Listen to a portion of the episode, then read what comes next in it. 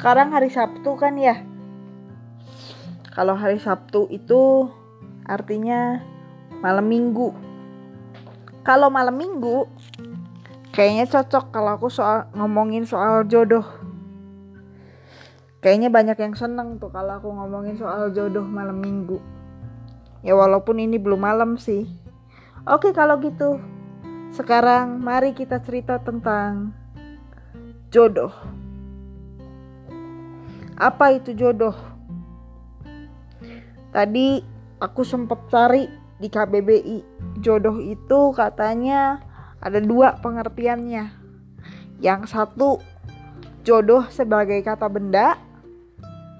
Yang kedua jodoh sebagai kata sifat. Kalau jodoh sebagai kata benda itu ada dua lagi pengertiannya. Yang pertama adalah orang yang cocok menjadi suami atau istri atau pasangan hidup atau imbangan. Terus yang kedua adalah sesuatu yang cocok jadi pasangan. Terus kalau sebagai kata sifat jodoh itu artinya cocok atau tepat. Sederhananya jodoh itu pengertiannya ada pengertian luas dan ada pengertian sempit. Kalau pengertian sempit ya seperti yang diuraikan tadi ketika kita baca jodoh sebagai kata benda. Tapi kalau dalam arti luas jodoh sebagai kata sifat, cocok dan tepat. Nah, terus pengertian ini akhirnya e, membawa aku untuk merenungkan dalam menjalani hidup. Aku percaya bahwa nggak ada satupun peristiwa yang kebetulan. Kita masih hidup, kita ketemu sama siapa, terus kita ketemu dia nggak sengaja, terus akhirnya kita ketemu sama orang baru, terus kita juga sayang sama teman kita, kita punya rasa percaya sama orang itu. Pokoknya semua peristiwa lah dalam hidup ini. Aku percaya semuanya itu nggak kebetulan. Semuanya ada dalam kontrolnya Tuhan. Cuma masalahnya, biasanya kalau uh, ada rencana Tuhan yang baik dalam hidup kita, tapi kita mengalami hal yang menyedihkan dan tidak mengenakan, itu susah untuk mengertinya.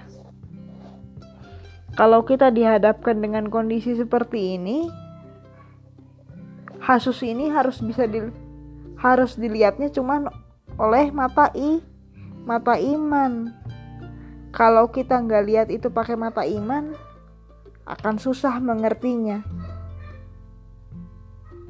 Lalu Kenapa itu bisa terjadi? Karena otak kita ini mengandung logika. Dan kalau ada sesuatu yang nggak masuk logika kita, pasti susah untuk dicerna masuk ke otak. Ya begitulah faktanya kehidupan. Terus apakah itu salah? Menurutku sih nggak salah dengan itu karena memang naturalnya seperti itu. Nah, kemarin aku ngobrol sama seorang teman kakak aku sih. Aku panggil dia kakak dan kami ngobrol banyak tentang hal ini. Tentang hal tidak ada satupun yang kebetulan dan tentang jodoh sosial. Teman-teman tahu istilah jodoh sosial? Kalau ada yang belum tahu aku jelasin di sini jadi semalam itu ceritanya kita ngobrol terus dia bilang begini temanku. Dia bilang kalau uh, ntar dia ngomong apa kemarin ya? Nah ini nggak ada yang kebetulan sel dalam hidup ini katanya.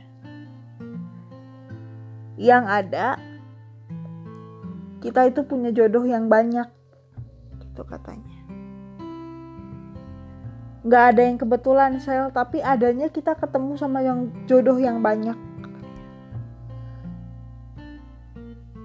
Apa maksudnya? Apa maksudnya kita punya jodoh yang banyak? Ya maksudnya itu tadi. Nggak ada yang kebetulan di hidup ini.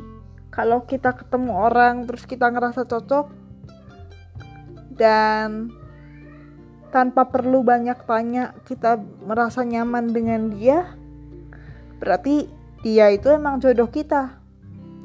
Dan kita emang jodoh sama dia. Tentunya maksud jodoh di sini jodoh dalam arti luas ya. Kalau jodoh dalam arti sempit nanti lebih rumit biasanya urusannya.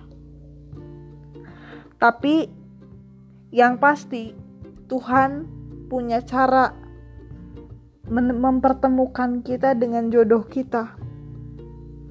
Dan ketika Tuhan mempertemukan kita dengan seseorang, mau itu teman laki-laki, teman perempuan, ataupun itu binatang, hewan peliharaan kita, itu juga bisa jadi dengan anak kalau kita mau asuh anak di panti asuhan gitu ya.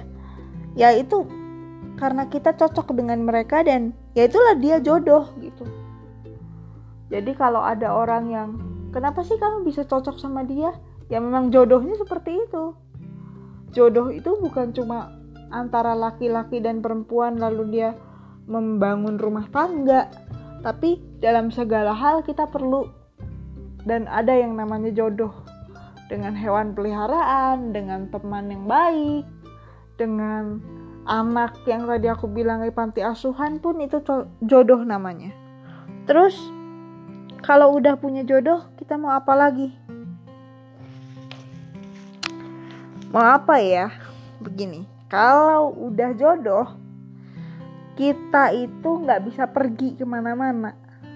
Artinya begini, sejauh apa pun kita pergi, kita pasti akan dipertemukan lagi.